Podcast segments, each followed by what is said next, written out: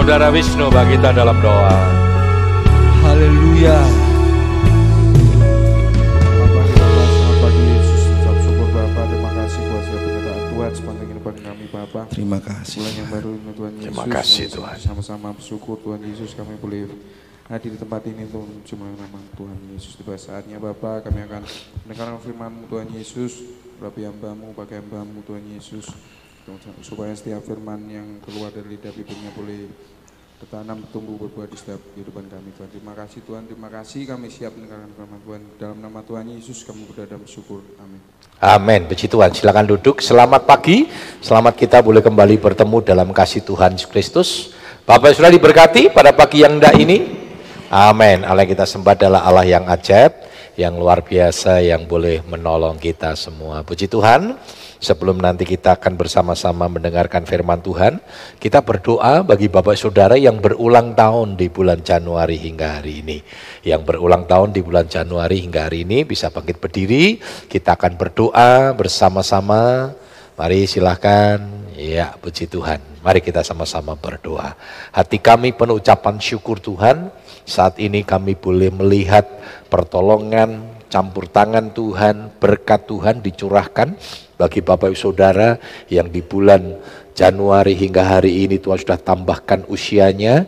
Kami percaya ini semua karena anugerah Tuhan, ini semua karena cinta kasih Tuhan. Oleh karena itu memberkati setiap jemaat-jemaatmu, berkati dalam rumah tangga mereka, memberkati dalam keluarga mereka, memberkati dalam usaha pekerjaan mereka, kuliah sekolah mereka diberkati, diberkati dengan kesehatan yang datangnya dari Tuhan.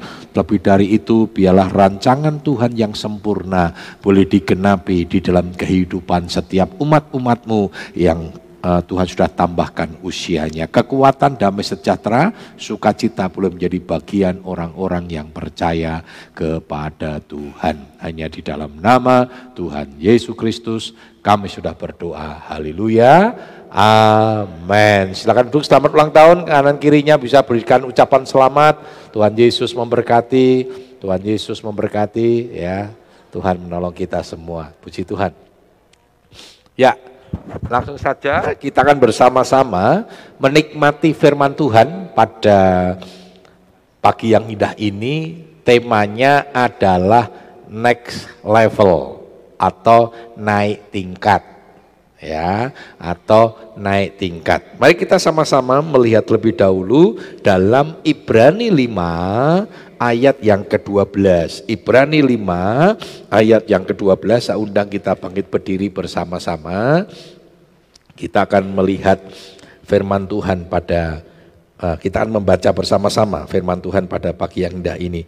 Dua, tiga, Sebab sekalipun kamu ditinjau dari sudut waktu, sudah seharusnya menjadi pengajar, kamu masih perlu lagi diajarkan asas-asas pokok dari pernyataan Allah, dan kamu masih memerlukan susu, bukan makanan keras. Puji Tuhan, silakan duduk. Bapak Saudara, di dalam kehidupan makhluk hidup, ya, di dalam kehidupan makhluk hidup itu biasanya di eh, apa ketika makhluk itu dinyatakan hidup ya ketika makhluk itu dinyatakan hidup biasanya ditandai dengan yang yang namanya pertumbuhan atau next level atau naik tingkat gitu saudara ya jadi harus ada pertumbuhan harus ada peningkatan di dalam hidup kita. Dan ternyata nanti kalau kita melihat di dalam firman Tuhan, sejak zaman dulu ternyata banyak orang, orang-orang percaya khususnya di dalam kehidupan imannya, di dalam kehidupan rohaninya mandek, stuck, tidak berkembang, tidak naik level. Nah ini kalau kita membaca ini dikatakan sebab sekalipun kamu ditinjau dari sudut waktu sudah seharusnya menjadi pengajar tetapi masih diajarkan dengan asas-asas pokok. Saya selalu katakan begini sudah, kekristenan kita itu tidak dises, tidak ditentukan oleh durasi waktu, oleh durasi waktu. Tetapi bagaimana kita mengalami perubahan hidup dan kita ini terus harus selalu meningkat. Ya, harus selalu meningkat. Maka dikatakan di dalam firman Tuhan, biarlah rohmu menyala, nyala dan layanilah Tuhan. Ya, kita harus selalu mengalami peningkatan, bukan hanya durasi waktu. Salah satu kelemahan di Indonesia zaman dulu saudara, sekarang sudah sedikit banyak berubah. Ya, dulu itu selalu eh, apa ya durasi waktu itu sangat diperhitungkan walaupun karyanya, kreatifnya tidak ada. Nah, ketika perusahaan-perusahaan mulai go public, sekarang ini bank-bank sudah banyak dipegang oleh bukan Indonesia sudah banyak dari luar. Saya punya teman-teman yang kerja di bank, ya dia ngomong begini, waduh, sekarang ini kejem perusahaan, untuk iso kejem. Kita ini senior-senior tidak diperhitungkan. Pokoknya kalau kamu tidak menghasilkan PHK, kalau kamu tidak menghasilkan keluar. Saya nggak tahu, betul ya Bapak Saudara, saya yakin yang kerja-kerja di perusahaan-perusahaan yang sudah mulai go public. Makanya jangan heran, sekarang banyak pimpinan-pimpinan tuh anak-anak muda. Lalu saya ngomong begini, kira-kira secara sistem kerja betul atau salah? Ya kan? Kalau dulu kan enggak sudah ya. Wah ini enggak menghasilkan. Sudahlah dikasih satu tempat yang kelihatannya terhormat. Yang penting dia apa namanya uh, tetap dihormati walaupun secara kerja tidak menghasilkan. Sekarang enggak bisa saudara. Kalau kamu enggak bisa, ya sudah keluar. Diminta untuk mengundurkan diri. Kenapa? Tidak mengalami peningkatan. Inilah realita hidup. Itulah kenyataan hidup. Ya, itulah kenyataan hidup. Karena itu mari ini di dunia kerja, Saudara. Di dalam dunia iman kita juga kita harus mengalami yang namanya next level. Coba kita cek dan recheck hari-hari ini. Berapa lama engkau kenal Tuhan? Berapa banyak saya sering katakan ya gereja ini gereja tua, saudara. Seringkali kalau saya ketemu dengan seseorang, ternyata gembala saudara ini udah terkenal juga ya saudara ya. Jadi ketemu di mana gitu, oh Agus ya, wah kok kenal ya. Ada orang naik apa namanya anak saya naik gojek ya, naik grab gitu saudara ya. Yang mobil itu apa? Grab ya, grab gitu, diantar. Dia lihat, oh lo kok ke Siloam katanya. Iya, kamu jemaat sana bukan? Saya anak e pendetane katanya. Oh anak Om Agus toh gitu ya. Oh aduh kamu anak Om Agus. Anak saya ngomong gini, papi loh. Oh, orang Gojek kenal, wong dodolan tahu yuk kenal katanya gitu. Anak saya baru beli tahu. Rumahmu mana? Anu apa ya nih sama gereja ya di situ. Lah kamu siapa? Saya anak pendeta nih. Oh Om Agus tuh kenal sudah ya. Kemarin jualan pempek katanya. Orang jualan pempek Pancasila saudara ya. Lo kamu anak sopo? Kamu tinggalmu di mana? Karena Dio itu kalau seneng beli terus saudara. Kamu tinggalnya di mana? Oh di Ayani. Ya. Loh Ayaninya mana? Siloam. Oh Siloam ya. Uh-uh. Lah mananya? Ya itu saya anak pendetanya. Wah anak Om Agus loh. Anak-anak sih ngomong, papi terkenal loh. Dari tukang gojek ya, grab sampai tukang tahu, empek-empek pun kenal. Ah luar biasa saudara ya. Nah, kali mereka ngomong gini, Om, saya dulu jemaat Siloam loh. Masih zaman Om Batu Bara. Bahkan masih ada ngomong gini, zaman Om Batu Bara sing kuno. kuno. Berarti ada batu bara modern sama batu bara kuno, Saudara. Maksudnya Opa Batu Bara yang senior ya, kakaknya dengan Om Batu Bara Johan gitu, Saudara. Masih zamannya Opa Batu Bara kuno. Waduh, kuno. Saya ra kenal sing kuno-kuno, Saudara. Ya. Lalu saya tanya begini, oh saya masih ingat itu, wah di belakang dulu begini, baptisannya tuh bawai alpokat, wah ngerti sudah, cerita semua detailnya. Terus saya tanya begini, nah sekarang tuh enggak pernah ketok neng gereja, lah ya itu, karena pekerjaan, karena ini tetek bengek alasannya oke. Okay. Ah saya bilang begini, ah percuma. Pun mau bangga-bangga kenal Siloam sejak zaman dulu. Yang penting sampai detik ini, apakah imanmu meningkat? Amin. Amin. Jadi jangan bangga dengan durasi waktu, tetapi kita harus mengalami peningkatan. Kita harus selalu naik next, next level. Amin. Jangan kau secara lihat ditinjau di sudut waktu harusnya sudah jadi pengajar, sudah jadi orang-orang yang melayani Tuhan. Memang dengan naiknya next level, semakin kita meningkat, biasanya ditandai dengan apa? Ditandai dengan persoalan-persoalan, dengan ujian-ujian yang semakin meningkat, betul? Ujiannya anak SD sama SMP beda enggak? SMP sama SMA? Ujian SMA ya, matematika. Waduh, saya tuh nek matematika paling, waduh, kelenger saudara. Satu kalau matematika neng hitung-hitungan hitung-hitungan duit yo apal sudah ya neng matematika kok sinus tangan waduh mumpet sudah aritmatika apalagi sudah ya. Aritmatika geometri ya. Aljabar wah pusing sudah ya.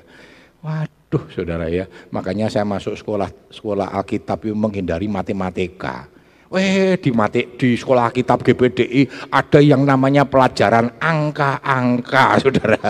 Jadi kalau sekolah kitab GPDI ada pelajaran jenenge angka-angka. Angka satu itu opo, angka dua itu opo. Saya bilang begini sama dosennya, Om, saya itu sekolah Alkitab ingin dari matematika, orang GPDI malah ono pelajaran jelas angka-angka. Nah, saudara ya, waduh, ketika soal dibagikan, ini tingkat SMA sudah ya, ujian akhir untuk SMA. Begitu dibuka, 10 bagi 2 sama dengan titik-titik. 5 tambah 1 sama dengan titik-titik. Kira-kira saudara seneng atau rodok marah saudara? Eh, aku SMA. Kalau 5 tambah 2, wong kita bang, tidur dibangun ke dikaget. Ya tangi-tangi, 5 tambah 2 berapa? Ngerti 7. Tapi nek kosinus tangan, wah bukan pusing lah. Artinya apa? Dengan meningkatnya level kita, maka ujian kita pasti akan semakin me meningkat. Makanya mungkin waktu uh, kita pertama kali kenal Tuhan, tantangannya, ya hal yang ini sudah ya. Karena itu kita nggak boleh baper, kita nggak boleh apa ya, seneng apa cengeng ya, cengeng atau sering kali mengasihani diri. Setiap kali ada masalah, oh Tuhan, tidak apa-apa, kita ngeluh dengan Tuhan karena kita menyadari kita perlu Tuhan, nggak apa-apa sudah. Bukan kita ini protes, Tuhan kok aku bokai persoalan ini, bukan itu sudah. Tetapi kita mungkin nangis sama Tuhan, curhat sama Tuhan, karena kita tahu Tuhanlah tempat curhat kita. Karena firman Tuhan katakan uh, air mata kita itu ditampung di kirbatnya Tuhan. Ya, rohani kita harus mengalami peningkatan. Saudara, semakin tua, fisik kita akan menjadi semakin lemah. Tetapi iman kita harus semakin kuat. Fisik nggak bisa dipungkiri, saudara. Fisik nggak bisa dipungkiri. Senang semakin hari, semakin tua, ya semakin menjadi lemah. Makanya saya tidak setuju dengan film-film kungfu. Wah itu dihapusi, saudara semakin tua semakin hebat, semakin kuat. Tidak ada saudara. Semakin tua walaupun dia latihan pun, ya fisiknya akan menjadi lemah. Kakek saya ya itu seorang guru kungfu. Ya, jadi tapi bukan kakek langsung ya. Jadi nenek punya adik dapat guru kungfu itu. Ya, kalau orang Solo tahu namanya Cek Chong Dai, saudara. Itu terkenal ya, itu apa namanya murid Lo Banteng ya dulu yang terkenal kan Lo Banteng di Jakarta. Nah dia dia guru kungfu terkenal di kota Solo, ya hebat memang, ya. Tetapi fisiknya nggak bisa seneng nggak seneng. Usia 70 tahun mungkin dilatih ya, dilatih mungkin menjadi biasa, ya. Nek renang di kalau Solo itu ada namanya Tirtomoyo sudah, itu standar nasional. Jadi jaraknya itu 50 meter ya. Itu nek renang tuh bolak balik bolak balik bolak balik, enggak apa-apa sering kali diinget ke, ojo to pak sama anak-anaknya sama cucunya udah loh, bu jangan wah rapopo aku kuat toh. Ya, tapi kan lupa itu mungkin 30 usia 30 40 tahun. Dia sudah 70 tahun lebih itu. Satu kali dia riwa-riwi riwa-riwi tahu-tahu keluar perot Saudara. Orang dia nggak sadar kalau perot, dia bilang ada orang sih, "Kong, kok mulutnya miring ya?" Dia wah perot Saudara. Eh kena stroke. Eh enggak lama meninggal. Kenapa? Fisik nggak bisa dipungkiri, saudara.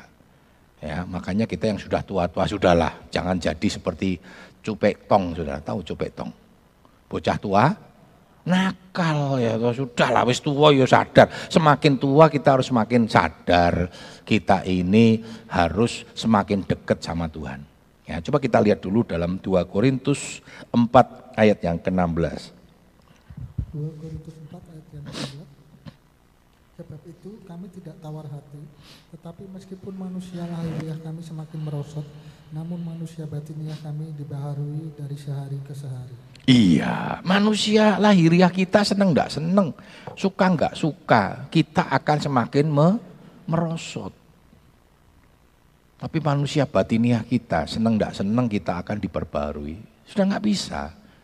Ya kita sadar diri lah sudah ya kita memang semakin tua tetapi dengan merosotnya lahiriah kita secara iman kita kan kita mengalami peningkatan itu yang seharusnya dikatakan oleh Paulus. Jangan seperti Ibrani tadi. Harusnya kita sudah menjadi pengajar masih harus diajarkan asas-asas tentang pokok uh, kekristenan ya. Nah, Saudara, apa yang perlu kita kita perhatikan dalam next level ini uh, di dalam pertumbuhan ini? Yang pertama, kita sebagai orang-orang percaya harus mengalami pertumbuhan dalam pengetahuan yang benar tentang Tuhan. Bagaimana kita bisa mengenal Tuhan? Bagaimana kita bisa mengenal Tuhan? Yang pertama, ya karena kita bergaul karib dengan Tuhan. Lalu yang kedua, dalam pergaulan karib kita dengan Tuhan, kita punya pengalaman-pengalaman bersama dengan Tuhan, sehingga kita sampai kepada satu keputusan, satu kesimpulan bahwa Tuhan itu dahsyat, Tuhan itu ajaib. Firman Tuhan beberapa kali saya sampaikan ya eh, di dalam Efesus 1:19 betapa hebat kuasanya bagi kita yang percaya. Nah, hebat ini berapa kali saya sampaikan menggunakan kata megatos. Megatos itu artinya kehebatan yang tiada taranya. Yang menjadi pertanyaan kita, bagaimana kita bisa menikmati kedahsyatan Tuhan yang hebat itu yang melalui pengalaman hidup, pengalaman bersama dengan Tuhan. Ada orang sering kali memuji ya, oh kayak apa? Oh orang itu baik. Kok tahu baik? Karena dia bergaul karib dengan itu, dengan orang itu, lalu dia merasakan ya pengalaman-pengalaman hidup bersama dengan orang itu, di mana dia melihat ketika dia bergaul karib dan memiliki pengalaman-pengalaman hidup bersama dengan orang ini, dia melihat orang ini baik. Ya, bagaimana saudara bisa mengenal Tuhan dengan benar? Satu, saudara bergaul karib. Yang kedua, saudara punya pengalaman-pengalaman bersama dengan Tuhan. Maka firman Tuhan katakan sebelum dia naik ke surga, aku menyertai kamu sampai akhir zaman. Ya. Sebelum ayat penutup di Matius 28 ayat 19 20 itu ayat 19 dikatakan gini, pergi jadikan semua bangsa muridku. Nah, hanya orang-orang yang pergi memberitakan Injil akan melihat penyertaan Tuhan. Tapi nek ngendon di rumah, di ini, nggak bisa. Makanya nanti setelah ayat itu, setelah Yesus naik ke surga, kita membaca kisah satu sampai kisah pasal yang ketujuh. Orang-orang Kristen pada waktu tidak melihat kehebatan mujizat Tuhan. Kenapa? Karena mereka hanya berorientasi di Yerusalem dan Yudea. Padahal Tuhan ngomong pergi sampai ke ujung bumi. Baru nanti ketika mereka keluar dari Yerusalem, mereka boleh baru kisah delapan kita lihat bagaimana mereka mengalami aniaya, mereka mengalami tekanan, kekristenan, orang-orang percaya gereja Tuhan menghadapi banyak hal. Tetapi apa yang kita lihat di balik setiap tekanan-tekanan penderitaan itu, mujizat Tuhan dinyatakan, kehebatan Tuhan dinyatakan. Pelayanan kami di kota Solo, ya, ketika kita menghadapi tekanan-tekanan yang hebat, di situ nama Tuhan dipermuliakan. Makanya Bapak Pendeta Yusuf Roni, dia pernah menulis sebuah buku dikata gini, kekristenan itu saudara ya, gereja itu semakin dihambat, semakin merambat. Kenapa? Karena tidak sedang berhadapan dengan kekuatan manusia, tapi berhadapan dengan kekuatan Tuhan. Ketika gereja di kota Solo dihambat pada waktu itu, bahkan tekanannya begitu mengerikan secara manusia. Ditolak, bahkan mereka sudah menduduki tanah yang mau dibangun buat gereja dan mereka berkata berani membangun awas, bahkan yang dukung ya. Karena yang ngomong tokoh-tokoh, wani dukung awas sih. Tapi mereka lupa mereka sedang tidak berhadapan dengan kekuatan manusia. Dan ternyata kuasa Tuhan dinyatakan. Jadi jangan takut saudara. Nah ini perlu kita bergaul karib dengan Tuhan. Saudara punya pengetahuan yang benar dengan Tuhan. Yang didasarkan kepada tadi bergaul karib. Dan kita punya pengalaman-pengalaman bersama dengan Tuhan. Kolose 1 ayat yang ke-10. Kolose 1 ayat yang ke-10 sehingga hidupmu layak di hadapannya serta berkenan kepadanya dalam segala hal dan kamu memberi buah dalam segala pekerjaan yang baik dan bertumbuh dalam pengetahuan yang benar tentang Allah. Iya. Kita harus mengalami pertumbuhan hubungan suami istri, Saudara. Harusnya semakin kuat. Amin. Semakin mengenal. Wes ngerti karakternya, betul ya? Seorang suami istri kan harus mudeng. Yang ngerti uh, saya siapa yang paling tahu saya? Ya istri saya sudah. Terus delok gaya ini mungkin dari kernit apa ker, apa ini? Kernyit apa itu? Nah, ini jenengnya apa sudah? Kernyit mata, kernyit ya, betul ya, kernyit mata ya. Dari kernyit matanya aja wis ngerti, wah iki akhirnya seneng iki. Hmm, tanyai, "Mah, aku tak tuku iki ya, Mah." Hmm. Wah, iki mudeng ya. Wis ngono aja di wis ngerti ki ora setuju. Mah, iki apik, Mah. Hmm, ngene. Mah, Iki apa tenan yo tuku ya mau. Hmm. Suwe-suwe alu metu sudah pok, hmm, ngerti. Sudah peka lah, yang paling peka, betul ya sudah ya. Mah, tak tuku iki yo. Hmm, ora sido. Elek banget toh. Ternyata elek, Bang. Ah. Kan yang tahu so, kenapa? Karena bergaul ka karib. Demikian juga kita dengan Tuhan. Kalau engkau bergaul karib dengan Tuhan, engkau akan ngerti Kok akan kenal Tuhanmu? Menjadi persoalannya kan, kan kita tidak pernah bergaul karib dengan Tuhan. Hubunganmu dengan Tuhan itu hanya hubungan-hubungan ya ya biasa-biasa saja lah. Ya. Ya seperti sehelo. Kenal mbak Tuhan Yesus, oh kenal. Seperti tadi mungkin yang di jalan-jalan tadi. Oh aku kenal mbak Pak Agus. Mungkin saya pernah khotbah di gerejanya, saya nggak ngerti. Karena di kota Salatiga ini saya sudah berkhotbah di beberapa gereja-gereja, saya berapa kali khotbah, uh, saya pernah khotbah di tingkat kota, di Pancasila, uh, untuk tingkat kota saya sudah berapa kali diminta khotbah, baik itu Natal, Paskah, sehingga mungkin mereka lihat ya, oh ini Pak Agus, pendeta GBD Siloam, mereka hanya tahu itu, tidak seperti jemaat-jemaat, tidak pernah sedekat itu mungkin, karena mereka hanya tahu dari luar. Nah jangan sampai kita sama Tuhan seperti itu. Oh Gusti Yesus aku kenal loh. Tuhan. Juru selamat. Hanya sekedar itu. Tapi sudah nggak pernah menikmati pengalaman pribadi bersama dengan Tuhan. Coba kita lihat sama-sama dalam Filipi 3 ayat yang ke-10. Filipi 3 ayat yang ke-10. Yang ku kehendaki ialah mengenal dia dan kuasa kebangkitannya dan persekutuan dalam penderitaannya, di mana aku menjadi serupa dengan dia dalam kematiannya. Nah, saudara, mengenal dia, kuasa kebangkitan, penderitaan, dan kematiannya dia, komplit. Jadi mengenal Tuhan itu bukan hanya bicara kuasanya, tapi penderitaan yang dia alami. Kenapa sudah? Karena dibalik setiap penderitaan-penderitaan yang dialami. Bahkan Yesus pun kan ngalami sudah ya dia menderita sampai mati sudah ya. Filipi katakan, tapi jangan lupa sudah, di balik penderitaan bahkan sampai kepada kematiannya, firman Tuhan katakan apa? Oleh karena ketaatan Tuhan, penderitaan Tuhan itu Yesus taat kepada Allah, akhirnya setiap lutut bertelut, setiap lidah mengaku Yesus itu adalah tuh Tuhan.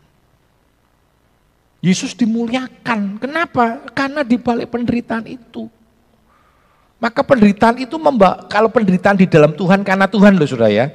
Maka kan kita Petrus katakan apa? Kalau engkau menderita karena Tuhan itu namanya kasih karunia. Sebab di balik penderitaan itu ada kemuliaan yang Tuhan siapkan. Maka dulu ada pujian ya. Salib digantikan mah kota. Mari kita belajar mengenal ya, Tuhan lebih dalam lagi bertumbuh di dalam pengenal kita kepada Tuhan. Ya, semakin hari semakin kita bergaul karib dengan Tuhan. Maka beberapa firman Tuhan beberapa waktu yang lalu tentang Ayub masih ingat ya. Kenapa Ayub itu betapa kuatnya kepada Tuhan, betapa cintanya kepada Tuhan, dia betapa hebatnya, dia punya pengetahuan yang kuat tentang Tuhan. Bahkan ketika dia dihabiskan secara materi, secara kesehatan rasanya sudah habis-habisan istrinya, teman-temannya pun ngeliatin sudah, waduh, dia ngomong kamu tuh dosa mbak Tuhan. Bertobat gitu sudah, teman-teman kan gitu. Istrinya lebih parah lagi, wah oh, terima ya, wes mati kue kutuki Tuhanmu.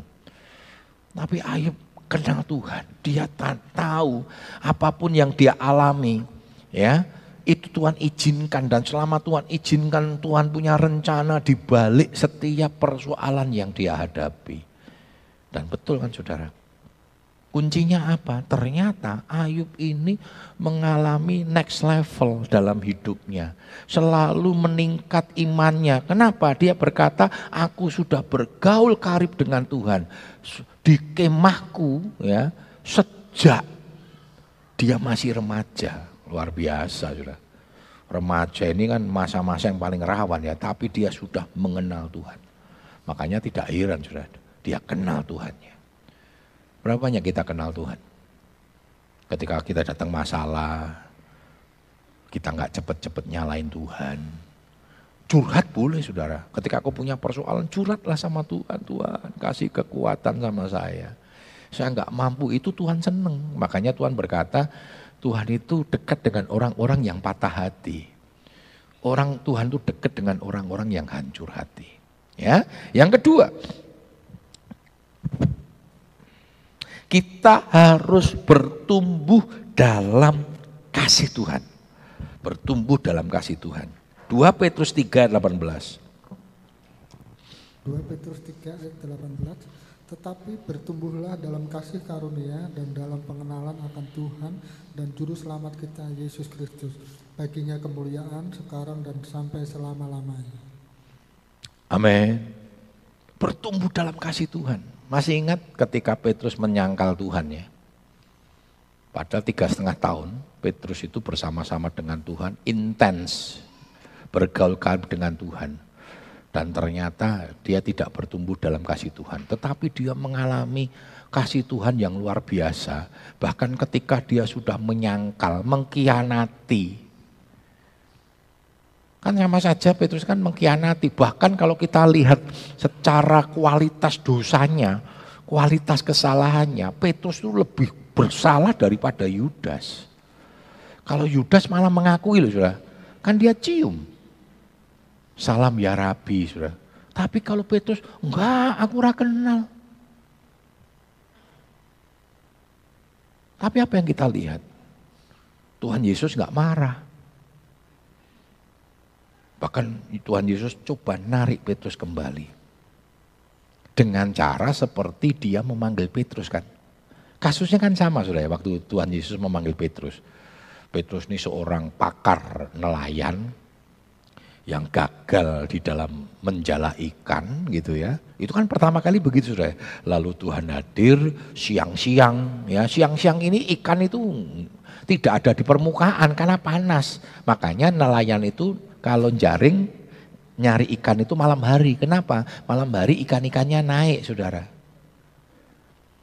Ini melawan hukum alam ya. Siang-siang disuruh jaring.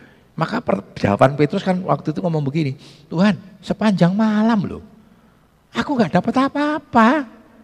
Iki awan meneh, pengirain tuh gitu saudara ya. Malam aja nggak dapat, kenapa siang-siang katanya. Tapi dia ngomong tapi karena Tuhan yang suruh, aku lakukan. Wah kita lihat itu. Akhirnya kan melimpah ruah. Pengalaman yang sama. Tuhan tangkap Petrus kembali. Jadi gini saudara, bersalah pasti semua kita bersalah. Bedanya Yudas nggak bertobat, dia bunuh diri, kesalahan fatal saudara. Ketika engkau karena kekilafanmu, engkau melanggar firman, engkau melakukan kesalahan, minta ampun sama Tuhan. Dan Tuhan selalu ampuni. Tuhan selalu ampuni dan lupakan yang sudah. Dia tak pernah ingat salahku.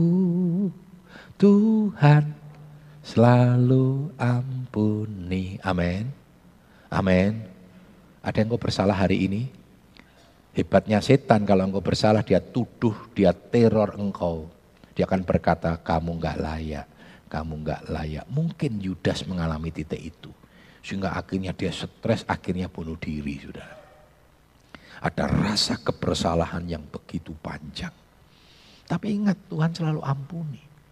Dua Tawarik 7.14 katakan kalau umatku memalingkan wajahnya dari dosa dan kembali kepada Tuhan. Maka firman Tuhan katakan, aku akan memulihkan. Lihat kasusnya Daud. Daud dosanya luar biasa. Kualitas dosanya itu pada kategori menjijikan. Tetapi karena dia bertobat, Tuhan ampuni. Dan betul-betul bertobat tuh. Ojo tobat apa? Tomat katanya.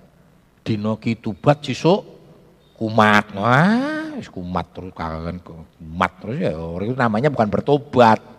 Bertobat itu meninggalkan hidup yang lama kepada hidup yang ba baru. Itu katanya kata bertobat.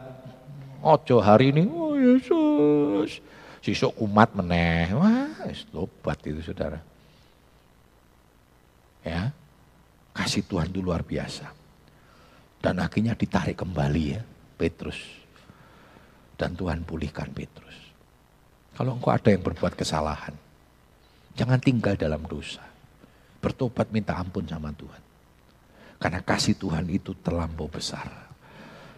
Karena begitu besar kasih Allah, kata begitu besar itu kasih yang tak terbatas.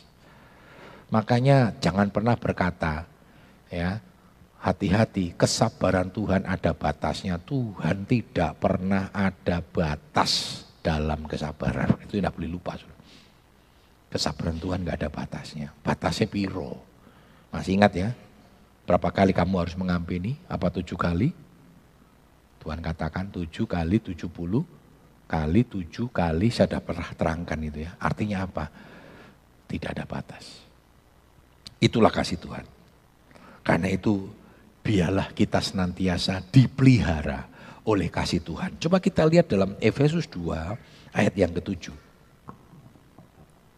Efesus 2 ayat yang ketujuh supaya pada masa yang akan datang ia menunjukkan kepada kita kekayaan kasih karunia-Nya yang melimpah-limpah sesuai dengan kebaikannya terhadap kita dalam Kristus Yesus. Berarti kan saudara, kasih Tuhan itu melimpah-limpah. Jadi kalau kalau kau hadapi hari-hari ini menghadapi satu ujian untuk meningkatkan levelmu, berpeganglah kepada kasih Tuhan. Melalui ujian-ujian kita hadapi hari-hari mungkin melalui sakit penyakitmu, mungkin melalui persoalan-persoalan ekonomimu, persoalan-persoalan apa pun yang secara manusia terlalu berat dan kita tidak mampu lagi. Enggak apa-apa saudara, memang batas kekuatan manusia itu terbatas.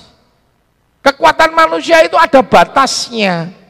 Tetapi kekuatan Tuhan tidak ada batas batasnya. Maka Yeremia 17 kan katakan terkutuk kalau ngandalkan kuat manusia. Kenapa manusia itu terbatas? Tapi Tuhan izinkan supaya apa? Supaya kau melihat kehebatan Tuhan. Nikmati dan gandol terus kepada kekuatan Tuhan, pada kasih karunia Tuhan. Yang penting engkau tidak pernah kehilangan kasih karunia Tuhan. Dalam segala keadaanmu dalam segala kondisimu. Bahkan ketika engkau harus menghadapi ujian-ujian karena next level itu. Karena engkau mau naik tingkat saudara. Dan nikmati itu. Yang ketiga, Kita harus mengalami pertumbuhan ke arah Kristus. Bertumbuhnya bukan ke arah gembalamu, tetapi gembala yang agung. Gembalamu Bapak Timotius Agus ini bertumbuh kepada gembala yang a, agung. Hidup sama seperti Kristus. Itu yang menjadi target kita. Walaupun kami hamba-hamba Tuhan tidak boleh ngomong begini. Ketika dia berbuat salah lalu diingatkan. Lah ya namanya pendeta ya menungso. Salah saudara. Ingat ya, saya sangat benci dengan istilah itu. Sebab manusia itu sebenarnya adalah pengertiannya gambar dan rupa Tuhan sempurna. Kan dikatakan kan manusia itu diciptakan seperti gambar dan rupa Allah, peta dan rupa Allah. Maka disebut manusia. Berarti kalau engkau ngakui manusia bukan lihat salahnya tetapi lihat karakter ilahinya. Tapi kata manusia kan sekarang ini menjadi rendah. Goro-goro lagu ini rocker ya rocker juga manusia. Katanya kan itu ya sudah ya. Sekarang nek pendeta gaya jatuh dosa, pendeta juga manusia loh. Nek nyadari manusia hiduplah dalam karakter Tuhan. Mungkin karena kekilafan bukan berarti pendeta juga sempurna, Saudara. Tapi karena kekilafan, karena kekurangan pengetahuan, karena kebodohan, betul sudah ya. Wong bodoh ya, ya namanya bodoh, urung ngerti, betul nggak sudah? Pernah saya sampaikan ya, ya sering eh, apa namanya kalau kami pergi ke Mubes saudara ya, biasanya ke Mubes itu kan sekarang ini ya, kalau dulu sudah makanya saya bilang sama di organisasi GPD ngomong gini, kenapa sih sekarang GPDI kacau? Bermubes rame, ribut goro-goro pemilihan, dulu enggak saudara. Ya, kalau saya dengar cerita-cerita zamannya opa batu bara yang kuno tadi saudara ya, sama opa batu bara yang modern, saya dengar cerita-cerita beliau ya, karena saya dulu masih diajar oleh beliau-beliau ini. Kalau mereka ada masalah, saudara, ketika ini mubes nih, atau mereka rapat ya, wah rame. Langsung pimpin ini, semua berlutut, kita nyembah Tuhan kami. Uh, langsung peluk-pelukan saudara. Sekarang wis orang nganggu ibadah-ibadah neng hotel. Saya bilang kenapa? Di hotel. Hotel ini kan dinggu partai-partai yang ribut sudah betul nggak? Nentuki pilihan ribut semua. Ayo kembali ke gereja. Makanya pada waktu Mukerda, periode kemarin saya jadi majelis daerah sudah. Saya bilang kembali ke gereja. Akhirnya di tempat ini dipakai. Masih ingat ya, Mukerda tahun 2000 berapa itu? 18 itu. Ya, mereka di sini, oh rame saudara. Gak ada yang rame-rame. Neng gereja mungkin mah ribut. Dulu isalib peti saudara. Wah, ada rame saudara. Tenang-tenang saja. Oh ya betul ya Pak Agus betul ya, apa namanya, mungkin karena kita perlu. Kembalilah saya bilang, GPD itu selalu ke gereja. Saya ke hotel, hotel, hotel, saya bilang. Nah saudara, ya kalau di hotel kan gitu saudara ya. Wah, utusan-utusan dari desa saya pernah saksikan saudara ya. Meh, melebu ya, bingung saudara ya. Iki kok kunci hotelnya ora kunci, nganggo kartu, kan gitu saudara ya. Ada yang sempat marah-marah itu. Saya minta kuncinya di kayak kartu nesu. Aku njaluk kunci malah mbok kartu katanya. Ya itu kuncinya, kunci aja mbok hapusi loh. Masa lah kan, ya kita enggak mungkin sudah ketawa. Karena ngerti. Tapi pertama kali saudara, mesti ya podo iki. Jaluk kunci, saya kan sama sudah. Waktu nginep pertama kali di HI, waktu itu belum ada kunci masih HI kan paling bagus saudara. Kayak kuncinya ya saya bilang oh ya pak ini kuncinya ya pak kayak kartu neng mengkemaki sok ora takok nek takok kan di desa gitu Wong orang Jakarta itu waktu saya praktek pertama kali kota Jakarta saya bilang dari Solo ya remaja-remaja anak-anak sekolah minggu kota Jakarta ngomong begini sama saya Om Om Agus di Solo ada listrik Wah dipikir Solo blesek banget saudara ya. Orang ngerti itu tempat tempat tempat asalnya Pak Harto itu waktu itu masih Pak Soeharto saudara ya. Pak Pak Agus di sana pakai listrik, ya bajunya mereka pakai baju semua. Dipikir udah wong Solo udah kabeh saudara. Ya kadang enggak ngerti kan sudah ya, enggak ngerti sudah ya. Wah saya waktu masuk yo bono mikir goblok kok bodoh? Kan kita nggak pernah tahu ya iki diapake kuncine? Dipiye guys apa dibalangke nggone apa balangke nggon pintu buka ya? Ning kaya karena kemaki sudah saya kan rada cerdik-cerdik titik sudah piye carane? Saya wis nang ngarep pintu ra mlebu-mlebu meng delok piye gitu ya? Terus petugasnya ya office boy-nya tanya begini ada yang bisa dibantu Pak bisa saya bukakan oh nggak usah nggak usah, usah kemaki meneh ya sok bener ya Orang masuk tuh mungkin saya ada hampir setengah jam ada sudah keliwar, keliwar kipi. Tidak lama kemudian ada orang datang sudah. Wah saya rodok melaku cepet kalau ngelirik. Ternyata ngono toh. Dulu kan masih model dimasukkan saudara. Ya, bukan bukan bukan bukan model sensor loh dulu. Masih koyo ada lubang-lubang dulu pertama kali. Nah sekarang kan tempel, ting ya sudah.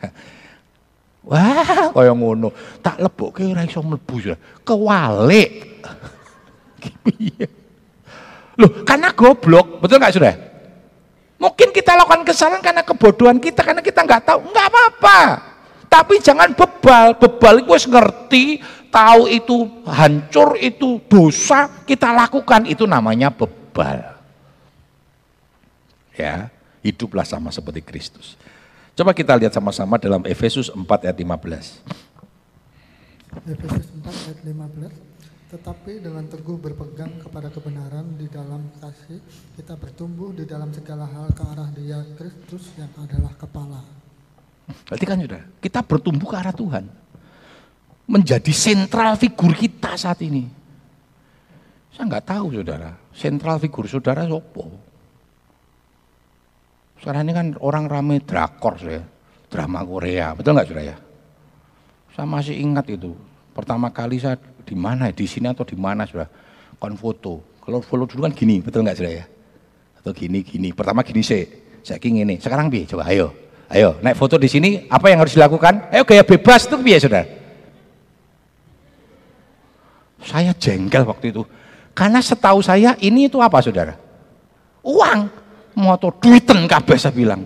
Foto kok moto. Ah, Om kuno katanya, ketinggalan zaman. Opo? Ini sarangiu katanya. Opo ki sarangiu? Sing saya tahu sarange lak walet apa sarange ini saudara? Sarangiu katanya. Ya ampun. Orang meneng Solo tiga, neng Solo kemarin, neng Solo malah itu, itu wajib. Pendeta sing baru khotbah apa namanya foto saya bilang, neng siluam rano sing wani saya bilang, mungkin tok karena itu orang-orang lama semua sudah. Sudah ini, kagus om, salah om. Sarangeo, opo. Loh siapa idolamu saudara? Sekarang Korea-Korea kabeh, potongan Korea, mau potong saudara ya. Model apa rambutnya? Itu loh yang sopo jenengi Korea Jangan apa sapa saudara wis pokoke don't worry apa sapa kayak saudara. Ndak bisa Pak, Bapak rambutnya jegrik. Pokoknya piye carane? Wong yang lurus bisa dikeriting kan, yang keriting bisa diluruskan sudah ya. Pertanyaannya siapa yang menjadi figurmu? Ono idolane Korea mati, uh, nangis geru-geru. Lu kenapa wajahmu sembah? Ada yang meninggal, sopo sing mati? Idola. Wah, bro. Gusti mati ora tahu nangis, saudara. Memang Tuhan Yesus mati nggak perlu ditangisi. Ya nanti Paskah nggak usah nangis kalau Paskah itu. Kenapa? Karena kematian Yesus itu mendatangkan suka cita. Ayat yang terakhir, Filipi 2 ayat yang kelima. Filipi 2 ayat yang kelima. Hendaklah kamu dalam hidupmu bersama menaruh pikiran dan perasaan yang terdapat juga dalam Kristus Yesus. Mari kita punya pikiran, kita punya perasaan, dan hidup kita harus terus bertumbuh next level ke mana? Arahnya, tujuannya kepada Yesus Kristus. Coba cek dan dicek, kira-kira hidupmu sudah sama seperti Yesus. Ketika kau menghadapi ini, ketika engkau menghadapi persoalan, ketika engkau menghadapi apa pun, Cek dan dicek. Sudahkah hidupku seperti Kristus? Saya selalu berpikir begitu, saudara. Oh kalau saya dihina, kalau saya difitnah, lalu saya coba lihat Yesus. Kira-kira Tuhan Yesus itu kalau difitnah, dihina, apa yang dialami? Oh Yesus kalau dina parani wonge jotos. Oh tak saya akan lakukan itu saudara. Nek saya dina tak parani wonge jotos saudara. Kalau Yesus lakukan itu. Tetapi ketika Yesus dihina, dia mendoakan orang itu. Masih ingat Yesus difitnah kan? Dia masih berkata, Bapa ampuni mereka. Ya lakukan seperti Yesus lakukan. Ketika dia menghadapi tekanan, apa yang dia lakukan? Protes sama Tuhan? Atau dia berkata, biarlah kehendakmu yang jadi, bukan kehendakku. Mari kita belajar seperti Yesus. Mari kita naikkan level kita. Mari kita mengalami pertumbuhan di dalam iman kita. Ya, sebentar kita akan bersama-sama menikmati tubuh dan darahnya. Biarlah perjamuan kudus selalu mengingatkan kita. Untuk kita selalu bertumbuh sampai kepada level seperti Yesus. Itu yang menjadi kerinduan kita. Dan itu juga menjadi visi gereja kita. Berakar, bertumbuh, berbuah menuju kedewasaan di dalam Yesus Kristus. Hati kami penucapan syukur Tuhan. Kasihmu dinyatakan dalam hidup kami. Perjamuan yang kudus ini kami percaya boleh menjadi berkat kami. Yang sakit disembuhkan. Karena bilur-bilurmu menyembuhkan penyakit kami. Yang berbeban berat kiranya Tuhan tolong semua. Kami semua diberkati oleh Tuhan. Hambamu berhenti berbicara. Tetapi kuasa kudus akan terus dimeteraikan ke dalam hati kami yang paling dalam. Nama Tuhan dipermuliakan. Nama Tuhan diagungkan. Kami akan masuki. Kami senantiasa ada dalam anugerah dan kasih setia Tuhan. Terima kasih Bapak. Hanya di dalam nama Tuhan Yesus Kristus. Kami sudah berdoa. Haleluya. Amin. Puji Tuhan.